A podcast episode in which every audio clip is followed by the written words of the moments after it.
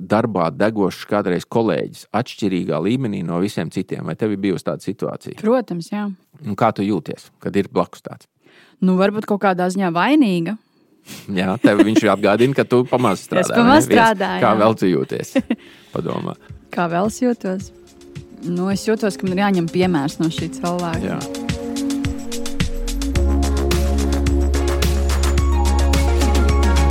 Čau! Es esmu Vineta Bērziņa, un tu klausies podkāstu, kas palīdz atrast darbu.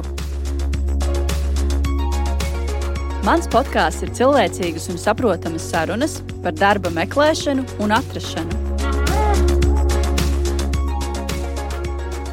Šodien esmu uzaicinājusi savu kolēģi Juri, podkāstu producentu, lai atskatītos uz iepriekšējām epizodēm, kas mums bijušas oktobra un novembra mēnesī.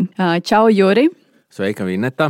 Pirmā ir um, epizode, kas ir numur 13 šajā sezonā ar Aju iesaulnieci. Pirms mēs uh, par epizodu runājam, varbūt vēlreiz atgādināsim, ka šis ir formāts, kurā mēs sapulcējamies divatā bez viesa, lai uh, parunātu par tām lietām, kas mums kā autoriem aizķērās kādā epizodē. Ja, mēs viņu pamanījām, ka tā tēma ir interesanta. Tajā epizodē varbūt tas nebija ne galvenais, ne svarīgākais, bet mēs gribam varbūt no savas puses to drusku pakomentēt un, un uh, pateikt kaut kādu savu viedokli un kaut ko tādu, kas var interesēt klausītājus tieši par šo jautājumu. Ja? Nu, un tad atpakaļ droši vien pie epizodes. Tātad tu pieteici AIS epizodi pirmo. Ja? Jā, nu man personīgi epizodē patika improvizācijas uzdevumi, kas tika izspēlēti uz manis. Man, protams, bija neliels stress šeit studijā, ka tas viss bija jādara. Un klausoties, bija ā, nu diezgan labi tiku galā. Tā kā priekš manis bija kaut kas jauns, man arī bija atsauksmes pēc šīs uh, intervijas. Ja nemaldos, tad uh, mana bijusi kursa biedrene man uzrakstīja. Viņa uzrakstīja komplimentu, ka viena no foršākajām epizodēm, kas dzirdēta, un ļoti daudz ko var paņemt kā piemēru priekš sevis. Pēc tā visa mēs varam spriest, ka cilvēki labprāt dzirdētu tevi vairāk runājot podkāstā. Nu, tad es no savas puses cilvēkiem varētu ieteikt to epizodu tiešām, lai vairāk uzzinātu par Vinetu. Ja? Ja Galu galā mm, podkāstu vadītājs vienmēr ir cilvēks, par kuru gribētos zināt kaut ko vairāk. Tā kā meklējiet šīs sezonas 13. epizodu sarunu ar Aiju Iesalnieci. Un tas, kas mums aizķērās, tad, tad sarunā, ko mēs gribējām apspriest. Jā. Mēs gribējām apspriest tēmu, kas izskanēja šajā epizodē. Tātad tie ir dažādi stresa apstākļi, stresa testi, jautājumi darba intervijās. Un es pat formulētu tā jautājumu, uz kuriem nav pareizās atbildes. Jā, vai jautājumi, ar kuriem intervijas laikā intervētājs, ja tātad personāla atlases cilvēks vai tas darba devēja pārstāvs, vēlās kaut kādā veidā sagādāt kaut kādas grūtības kandidātam un no tā kaut ko secināt. Varbūt vispirms, vai tev pašai ir tāda pieredze pašai personīgi pirms tam? Kā darba meklētājai? Kā abās pusēs? Vai? Abās pusēs. Kā personāla atlases speciālists, es šādas metodes neizmantoju, neesmu izmantojusi. Es personīgi tās neatbalstu, jo, ja tu strādā kaut kādā uzņēmumā, piemēram, tad tev ir jā, jāmēģina radīt pēc iespējas labāks tēls gan par sevi, gan par šo uzņēmumu. Tāpēc par stresa lietām nu, gan nerunājam, nu, nevis nerunājam, bet nu, necenšamies šo kandidātu ievest stresā. Tas ir viens. Kad strādāju attiecīgi ārpakalpojumā, nu, man liekas, ka arī es neko tādu neesmu darījusi. Varbūt vienīgi esmu uzdevusi nu, tādus situāciju jautājumus vai kaut kādu citu tipu jautājumus par stresu, kā tu tiec galā stresa situācijās, ko tu dari un tā tālāk. Bet tā, ka speciālisti, ka speciāli kandidātu novest tur stresa situācijā, nu nē, man liekas, es tā nekad neesmu darījusi, laikam arī nedarītu. Bet es kā darba meklētājs esmu pieredzējusi dažādas stresa situācijas un arī tādus dīvainus jautājumus darba intervijās.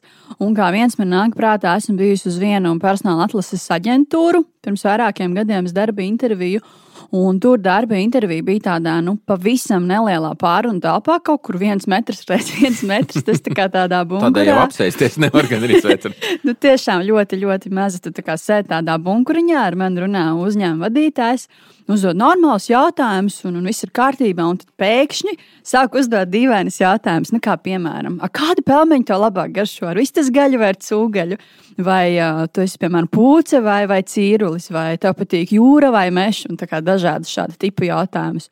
Nu, un es, protams, atbildēju uz tiem jautājumiem, bet man stress radās no tā, a, kāpēc šādi jautājumi tiek uzdoti, jo man nekad nekas tāds nebija uzdots. Man ir aizdomas, ka tādus jautājumus visbiežāk uzdod tie personāla atlases cilvēki, kuri zina, ka tajā uzņēmumā, uz kuru tad, šī vakance ir, ka tur tā ikdiena ir stresaina un ka tur vienkārši ir slikti, ka tur ir slikti organizēts darbs un, un, un cilvēki vienkārši apjūk un, un, un sabīstās pēc tādiem jautājumiem varbūt var uh, pats kandidāts kļūt uzmanīgs par to, kas tas ir pa uzņēmumu, kāpēc viņi tā dara. Varbūt tur ir tas iemesls, tāds, ka viņi mēģina tev sagatavot kaut kādām briesmām, kas tev sagaida. Iespējams. Bet, jā, bet man visvairāk uh, šajos stresa uzdevumos interesē. Kāds ir tas mērķis, ko, ko tādā veidā var uzzināt? Un es ļoti stipri apšaubu, ka tādā veidā kaut ko var uzzināt par kandidātu. Jo, jo man, man šķiet, tā, ka ja tu nostādi cilvēku stresa situācijā darba intervijas laikā, tad tu diezgan labi vari redzēt, ko kandidāts dara stresā darba intervijā. Tas nebūtu nenozīmē, ka viņš stresā darba vietā uzvedās tāpat. Šis attaisnojums to, ka uztaisīt stresu cilvēkam, lai redzētu, kā viņš pacieš stresu, tas nav tik vienkārši. Stress nav vispār. Stress ir kaut kādās konkrētās situācijās. Tad, ja intervijā tur ir pavisam konkrēts fons un tur ir pavisam konkrēts cits iemesls stresam, varbūt cits līmenis, kurā tur ieslēdzās vai neieslēdzās spriest pēc tā, nu, es nezinu, es, es ļoti šaubos. Kā tev šķiet, vai tas mans apsvērums šie abi varētu būt taisnība. Varētu, varētu būt, jā, es domāju, nu, ka, piemēram, cilvēki mēdz atšķirīgi uzvesties un justies, tas ir darbs, mājas, nezinu, uz ielas vai darba intervija. Man šķiet, ka varētu būt citādākas sajūtas. Bet man vēl tikko viens, viena intervija atsaucas atmiņā, kur man arī radīja tādu, jo viens jautājums ļoti lielu stresu. Man liekas, tieši šis jautājums izjauca to visu manu interviju.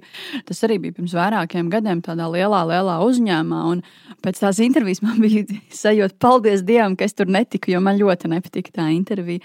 Tur bija vadītāji, mm, man liekas, pat vairāki no Lietuvas sabraukuši un HR vadītāji. Bet pats interesantākais tas, ka pirmā intervija ar to HR vadītāju bija ļoti jauka. Un savukārt tā otrā ar tiem lietuviešiem, kas, ja nemaldos, laikam bija pat krievlodā, tā intervija vienkārši briesmīga. Man uzdeva tādu jautājumu. Ko tu darītu, ja tev mm, šis te cilvēks, kurš nu, tā, nodaļas vadītājs, grib pieņemt darbiniekus tikai ar ar brūnām acīm. Nu, es mēģināju izlavierēt kaut ko atbildēt, un nu, es nekādīgi īsti netiku galā ar to jautājumu. Tas man ļoti radīja lielu stresu, un visa intervija izgāzās. Aizgāja ciet. Man aizgāja ciet, jā. jā, nu, tad viņi laimīgi, ka viņi nedabūja tevi darbā. Vai viņi tagad par to laimīgi, es nezinu. Tas skaidrs.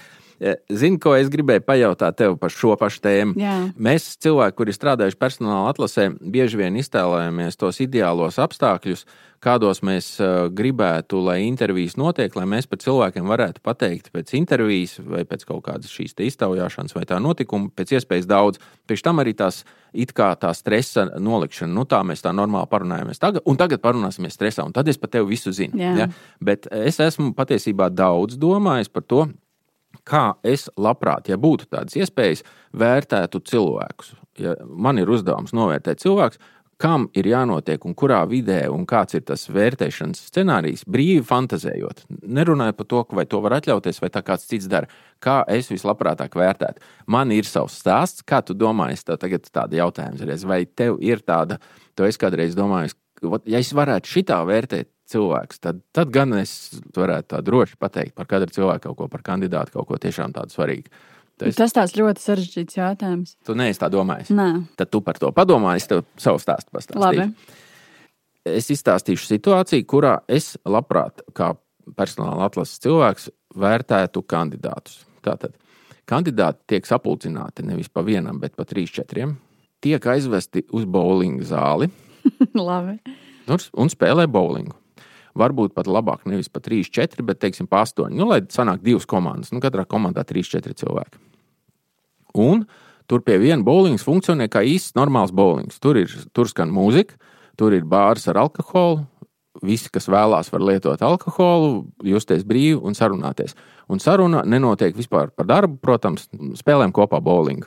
Un es varu izstāstīt, ko es tajā situācijā iedomājos redzam. Tad vispirms es redzu, kā cilvēks uzvedas uh, kompānijā, tur, kur apkārt ir sveši cilvēki, kā viņš tur dibina attiecības un cik viņš viegli komunicē.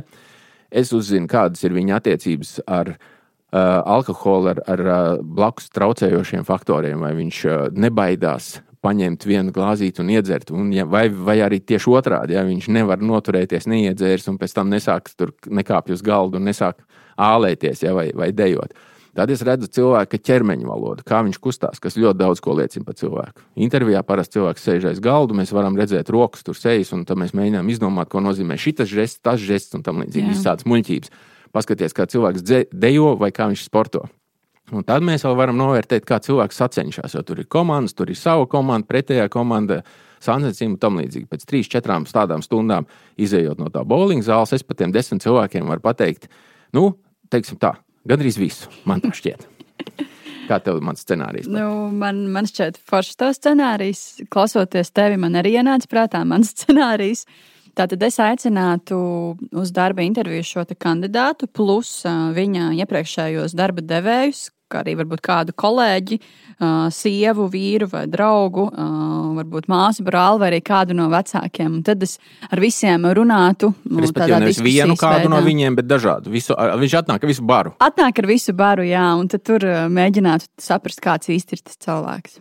Tādā ziņā, lai viņam grūtāk sameloties un tā visādi. Lai... Nu, lai mēģinātu saprast, kāds īsti ir tas cilvēks reāli dzīvē, nevis kāds viņš ir darbīgi. Jā, bet viņa vidē, ja, jo es, mans bowling variants ir tāds, ka es viņu izcēlu no tās viņa dabiskās vidas, ieliku starp svešiem cilvēkiem. Tavs variants ir, ka tu viņu ieliec starp, savā vidē. Jā, starp viņa cilvēkiem, un tad tur, tad tur redz, kādas tās veidojās tās attiecības. Jā.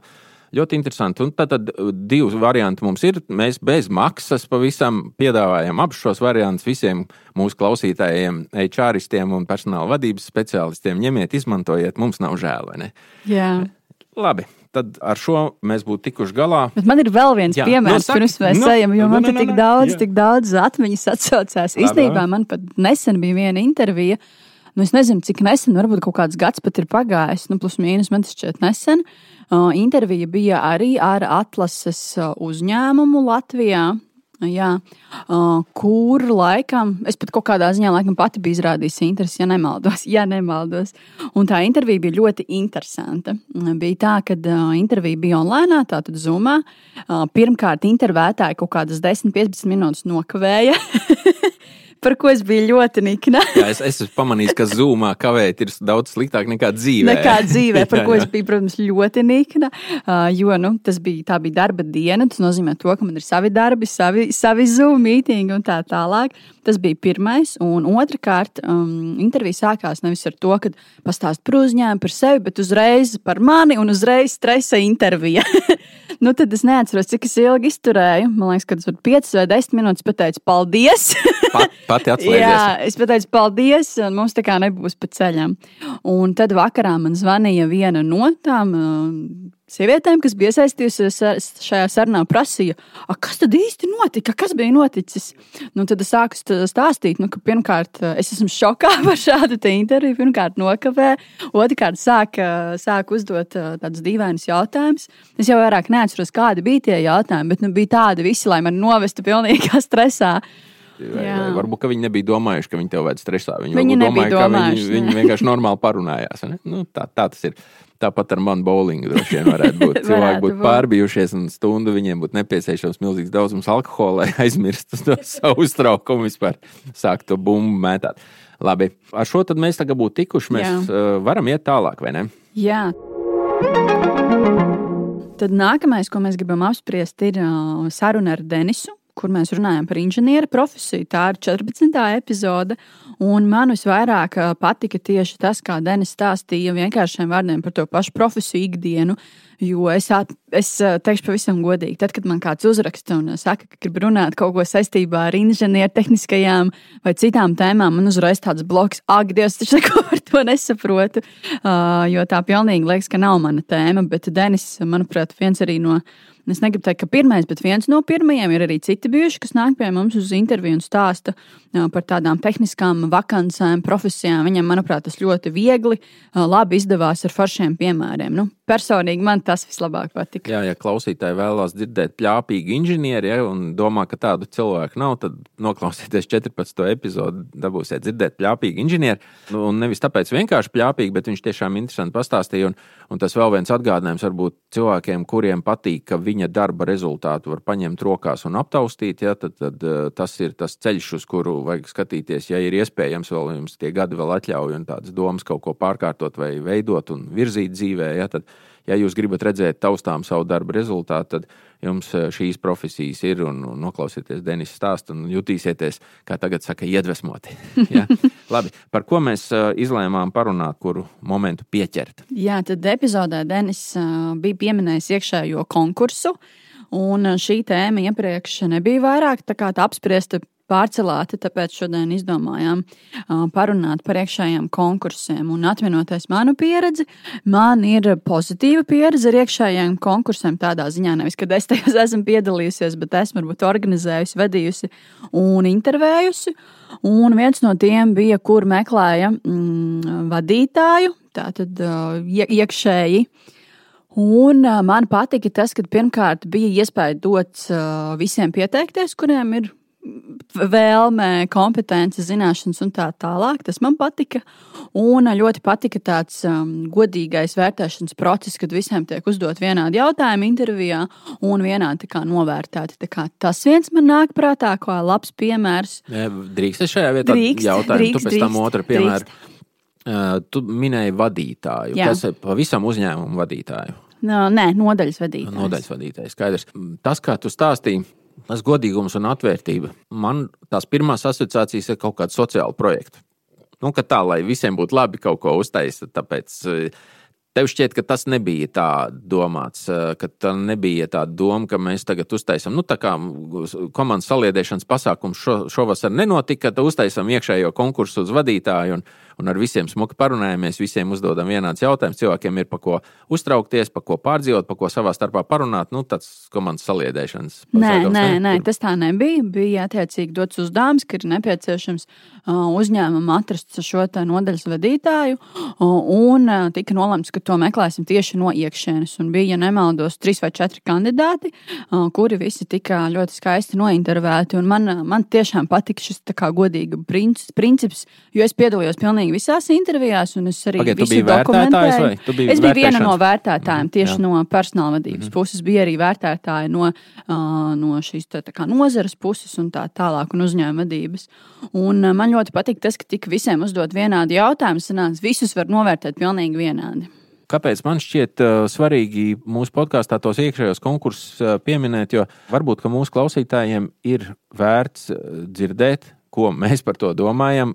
Ja kādu interesē manas domas, tad pirmā lieta ir tāda, ka nevajag mm, izturēties pret iekšējiem konkursiem tāpat kā pret darbu pieteikšanos uz ārpusi. Tur ir pavisam cita, cita vērtēšanas sistēma, citi motīvi.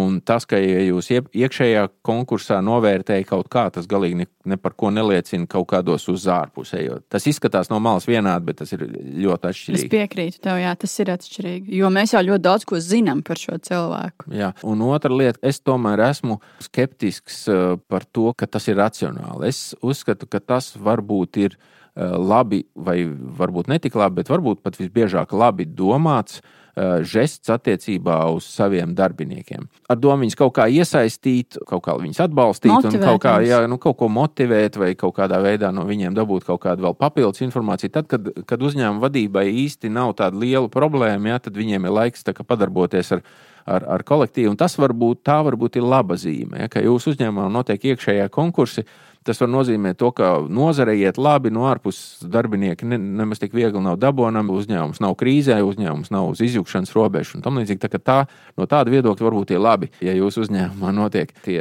iekšējie konkursi. Tas, kas man šķiet apšaubāmi, ka, ka tādā veidā var kaut ko jaunu uzzināt par cilvēkiem, saviem darbiniekiem. Jo, ja tu esi uzņēmuma vadītājs vai nodaļas vadītājs, un tev, lai uzzinātu par to, kurš no taviem darbiniekiem ir gatavs augstākam amatam, ir jātaisa konkurss. Man šķiet, ka tur kaut kas nav kārtībā. No... Bet, tu, bet tur jau ne tikai vai tu esi gatavs, vai tev ir konkrētās zināšanas priekš tā, lai to var darīt, ja tas ir kā amats augstāks. Nu, es saprotu, ja tas ir amats citā nodaļā. Piemēram, tu no uh, grāmatvedības gribi pārkvalificēties par klientu apkalpotāju vai par uz IT departamentu pāriet. Tad es vēl to saprotu. Bet, ja tu ej pa savu augšo līniju, tad taču ir skaidrs, kuram cilvēkam ir kādas kompetences, uz ko viņš uz augšu. Nu, taču redzi, vai viņš jēdz uz augšu vai nejēdz. Ja tas ir tāds pa vertikāli vienkārši konkurss, tad es teiktu, ka tas drīzāk ir vai nu kaut kāda jocīga izpratne par cilvēku motivēšanu vai par uzņēmumu vadīšanu. Jau uz sāniem horizontāli, ok, varbūt. Vai tu vēl vari no savas puses iedot kaut kādus tulkojumus situācijai, kas cilvēkiem ir jādomā vai jāsaprot, ja viņu uzņēmumā tiek izsludināta iekšējā konkursa? Piemēram, vai es drīkstu nepiedalīties? Vai drīkst nepiedalīties? Jā, es domāju, ka noteikti. To, ka piedalī, nepiedalīsies. Es domāju, ka noteikti drīkst. Arī man bija tāda situācija, kad bija iekšējais konkurss, kur es nepiedalījos, jo es negribēju.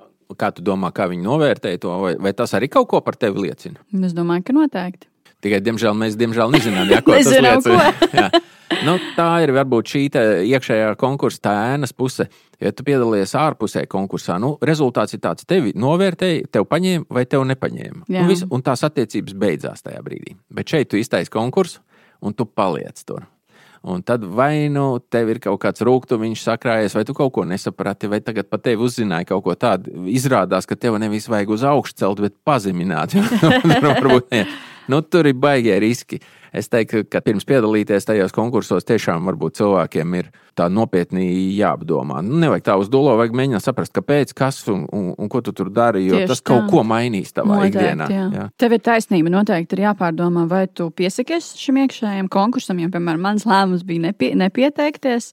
Uh, bet, kas vēl ir svarīgi, varbūt vairāk personāla atlases speciālistiem un vadītājiem pēc šādiem tiekšējiem konkursiem, ja darbinieki ir piedalījušies tajās intervijās, saucamajās, ir ļoti svarīgi sniegt atgrieznisko saikni un nu, tādu reālu, kas bija labi un kas varbūt vēl ir jāpilnveido. Nu, un šeit, šeit, ja tu dabūji, tu piedalies konkursā un tev atpakaļ neko nepasaka, tas gan ir slikti. Šeit pazīme. nederēs tas, ka tu piesakies kaut kur, piemēram, ārpusē, un tev neko nepasaka, ne labi, ne, labi, ne slikti, ne paldies. Uh, nu, te tā nevar ja tu esi tomēr um, kandidē iekšēji uzņēmumā, tad uzņēmumam ir jādod pilnīgi reāla atgriezniskā saikne, kas ir patiesa. Tāda ticama, jā, ticama jā, jā. Jā, jā. Piekrītu. Labi, par šo arī esam parunājuši. Pēdējā epizode, ko šodien gribam apspriest, ir uh, saruna ar Annu Balodi. Uh, šī sezonas 12. epizode. Uh, kas man laikam ir palikusi vispilgtāk atmiņā no visām epizodēm, jo te Anna dalījās ar savu personīgo stāstu. Es arī vairākas reizes noklausījos interviju un jutu līdzi katrā reizē. Tātad Anna stāstīja savu personīgo stāstu, kā viņas karjera, karjerā vijās cauri ēšanas traucējumiem un kā viņa ar to ir tikusi galā un ko viņa dara šobrīd. Nu, tiešām stāsts ir gan šokējošs, gan arī apsveicams ar to, kā Anna tam visam ir tikusi cauri un kā tagad viņa palīdz tādiem, kāda bija viņa. Mhm. Jā, un es arī no savas puses visiem klausītājiem, kur varbūt šo epizodi nav dzirdējuši un palaiduši garām, noteikti silti iesaku. Viņi trāpījās kaut kādā tieši lockdown sākumā, un tad varbūt cilvēkiem bija gala pilna visādām citām problēmām, bet tiešām noklausīties, jo tieši tāpat kā tev, es desmit stundas esmu pavadījis eh, to montējot, vai de, no nu labi, desmit reizes noklausījies to montējot, un gatavojot šo te mūsu raidījumu, noklausīties vēlreiz, un es varu roku sirds liekot pateikt, ka šādu te, uh, interviju es noklausītos arī citā podkāstā. Iesaku visiem mūsu klausītājiem to epizodi tiešām noklausīties. Un kas ir tas, ko mēs gribējām ar tevi varbūt izcelt kādu momentu un, un drusku par to Jā, apspriest. tēma, ko gribējām izcelt un apspriest šodien, ir motivētie darbinieki. Tā tad ir tādi, tāds tips darbinieku, kuri ir ļoti motivēti, kuri gatavi strādāt papildus laiku, kuri varbūt neņem pauzes darbā, kuri mēdz sadega darbā. Bet viņiem ļoti patīk tas, ko viņi dara. Viņi aizraujas un laiks paskrien nemanot ilgi. Tie ir tie, kurus darba devēji, kuri meklē jaunus darbiniekus, sauc par tām degošajām acīm. Tieši tas, tā. Tas bries, briesmīgais apzīmējums, degošās acis. Ja? Man, man kā cilvēkam, kurš savulaik ir bijis pionieros, ja kaut kā pavisam nepatīk, ka, ka kaut kā tā par cilvēkiem runā, tā, ka tās acis tur tas galvenais tajā darbā. Kā tev pašai ir bijusi sajūta? Tad, kad tu esi vērtējusi kā personāla atlases cilvēks, un, un vai nu klients tev ir lūdzis, vai nu tavs darba devējs, nu tad, tad tavs iekšējais klients, priekšnieks ir, ir prasījuši par tām degošām acīm. Kā, kā tu parasti jūties, kad tev saka, nu mums vajag darbinieku ar tām acīm? kā es parasti jūtos. Nu, es teikšu, es uzklausu, un attiecīgi tad arī vērtēju darba intervijā. Bet man atsaucās atmiņā, kad bija viena darba vieta, kur tieši šo ļoti vērtēja darba intervijā kā bezmazliet numur viens šo cilvēku. Tur, kur tu strādāji, vai tev bija uzdevums? Kurā es esmu strādājis, mm, jā, jā. Kā vienu no numur viens lietām, kad cilvēkam jābūt ļoti motivētam, no nu, tām degošām acīm un tā tālāk. Kaut kādā ziņā tas ir grūtāk, ja tev ir jāatlasa tādi darbinieki, skatoties manu pieredzi. Bet man arī ir citādākas pieredzes, kad ir kaut kādi citi, citi svarīgāki šie aspekti. Bet man arī īstenībā šķiet, ka tas ir ļoti atkarīgs arī no pašām nodaļām, ko tad nodaļa darbinieki grib. Vai tas ir rekur uzņēmuma vērtība kā tāda, ka mēs visus tādus meklējam, vai savukārt nodaļu vērtība. Nu, man ir tāda pieredze, ka esmu arī pati savu kolēģi meklējusi līdzīgu šim aprakstam, tātad, kurš ir ļoti motivēts, degošām acīm, vai angliski ir vēl tāds vārds hardworking, kurš ir gatavs uh, latviski, strādāt. Latvijas strādā latviski? bez pulksteņa. Tātad, nu, jā, tad strādā bez pulksteņa jā. un tā tālāk. Un um, Latvijā ir ļoti daudz tādu darbinieku, tādu cilvēku.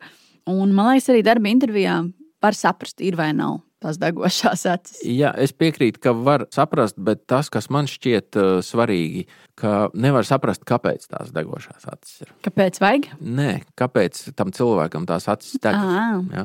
Jo, nu, kas iedo... viņam kaiš? Jā, kas viņam kaiš, jo man ir aizdomas, ka biežāk tas tiešām ir, kas viņam kaiš, nevis uh, kāpēc viņš ir tik motivēts. Jo darba devējiem vai direktoram droši vien šķiet, ka tās acis tam cilvēkam deg, tad tas nozīmē tikai un vienīgi to, ka viņš tieši šajā firmā grib strādāt virsstundas un neprasīs par to papildus naudu. Bet tas nav tik vienkārši. Ja?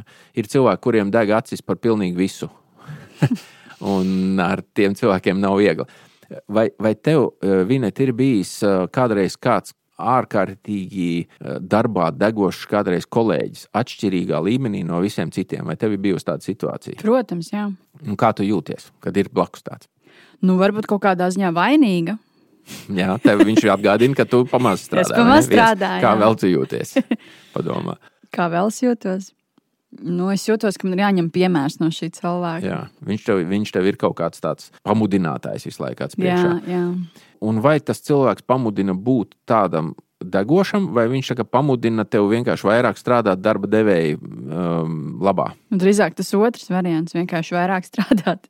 Jo to degošumu nevar pamudināt. Tu tikai sevī vari atrast to motivāciju. Nu, ir vai nav attiecīgi. Un tas ir vēl viens iemesls, kāpēc uh, darba devēji grib, lai viņu uzņēmumā viņi jūt, ka tur tā baigi mierīgi un miegaini viss, ja viņi ieliek vienu tādu tur pa vidu, un tad tagad visi tur redzēs. Un, un, un, uh, un saņemsies. Bet es ieteiktu par to rūpīgi padomāt, jo tas var radīt arī to nu, diskomfortu, diskomfortu un kaut kādu konfliktu iekšējo ļoti ātri ja tas, tiem enerģijas līmeņiem jābūt kaut kādā veidā izlīdzinātiem. Un, ja nodaļas vadītājs ir tāds, arī man šādā no, pieredzē jā. ir, kad, kad nodaļas vadītājs rauj tur līdz 8, 9 vakarā, un, un nabaga darbinieki skatās, pulkstenī ir 6, bet viņi nevar piecelties. Mm -hmm. Un tas jau pavisam, kā lai saka, nav labais stils, jo ir, ir pilnīgi skaidrs, ka, ja tu esi nodaļas vadītājs, tev ir kaut kādas karjeras ambīcijas, tu esi nolicis malā savu visu dzīvi, vai ja tu it īpaši, ja tu esi uzņēmuma īpašnieks un ka tu strādā 24, 7, tas viss ir saprotams. Ja?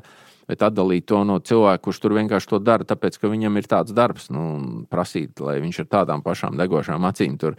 Tā kā viņi tur 24, 7, nu, tas nav patiesībā godīgi pret tiem cilvēkiem. Ja? Tā kā prasīt kaut ko tādu. Un kāpēc mēs par to runājam, tās um, Annas epizodes kontekstā ir vēl viens aspekts.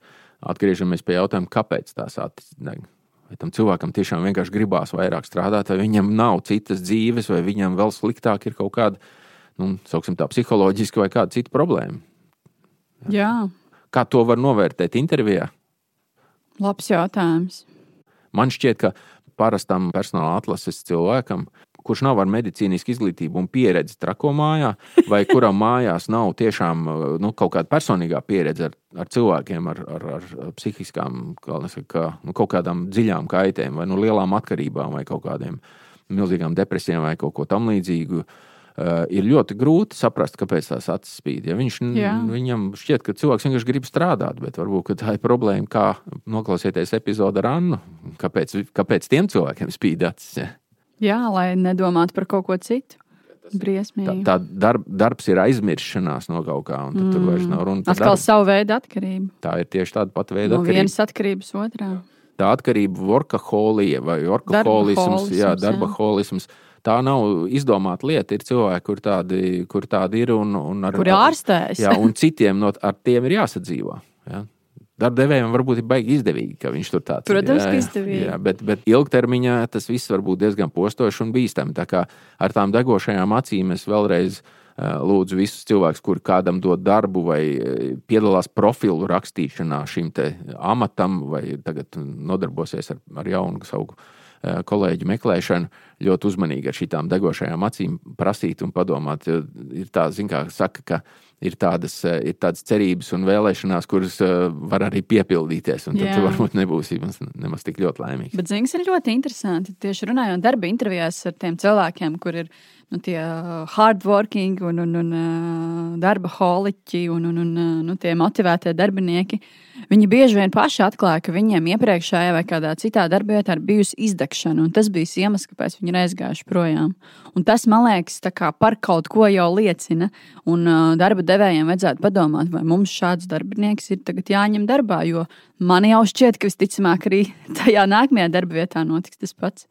Labi, tu pieminēji vārdu izdegšana. Tas varētu būt uh, viens sarunas tēma kādai nākamajai šādai epizodei. Jā, Varbūt šo mēs ar mūsu klausītāju mīļu atļauju beigsim. Tēmas mēs apspriedām, klausieties mūsu šīs epizodes. Varbūt uh, aicinām ierosināt, komentēt to, ko mēs stāstām. Ja kādam ir iebildumi, kāds domā tieši otrādi, vai kādam ir priekšlikumi vai piedāvājumi, par ko mēs vēl varētu parunāt. Un varbūt kāds cilvēks piedāvājams intervijai, vai kāds pats vēlās pieteikties. Mēs laipni gaidām, vai ne? Jā rakstiet atsauksmes, lai mēs saprastu, vai mēs šāda tipa sarunas ar Juri varam turpināt, ko mums darīt. Un tiekamies Tiekamies atā. uz sadzirdēšanos! Tu noklausījies podkāstu, kas palīdz atrast darbu. Lai dzirdētu visas intervijas, seko pirms darba visās podkāstu aplikācijās, arī Facebook, Instagram un YouTube. Iesaki tēmu, nāc uz interviju vai reklamē savu uzņēmumu podkāstā. Kontaktus atradīsi epizodes aprakstos un manā LinkedIn. Uz sadzirdēšanos!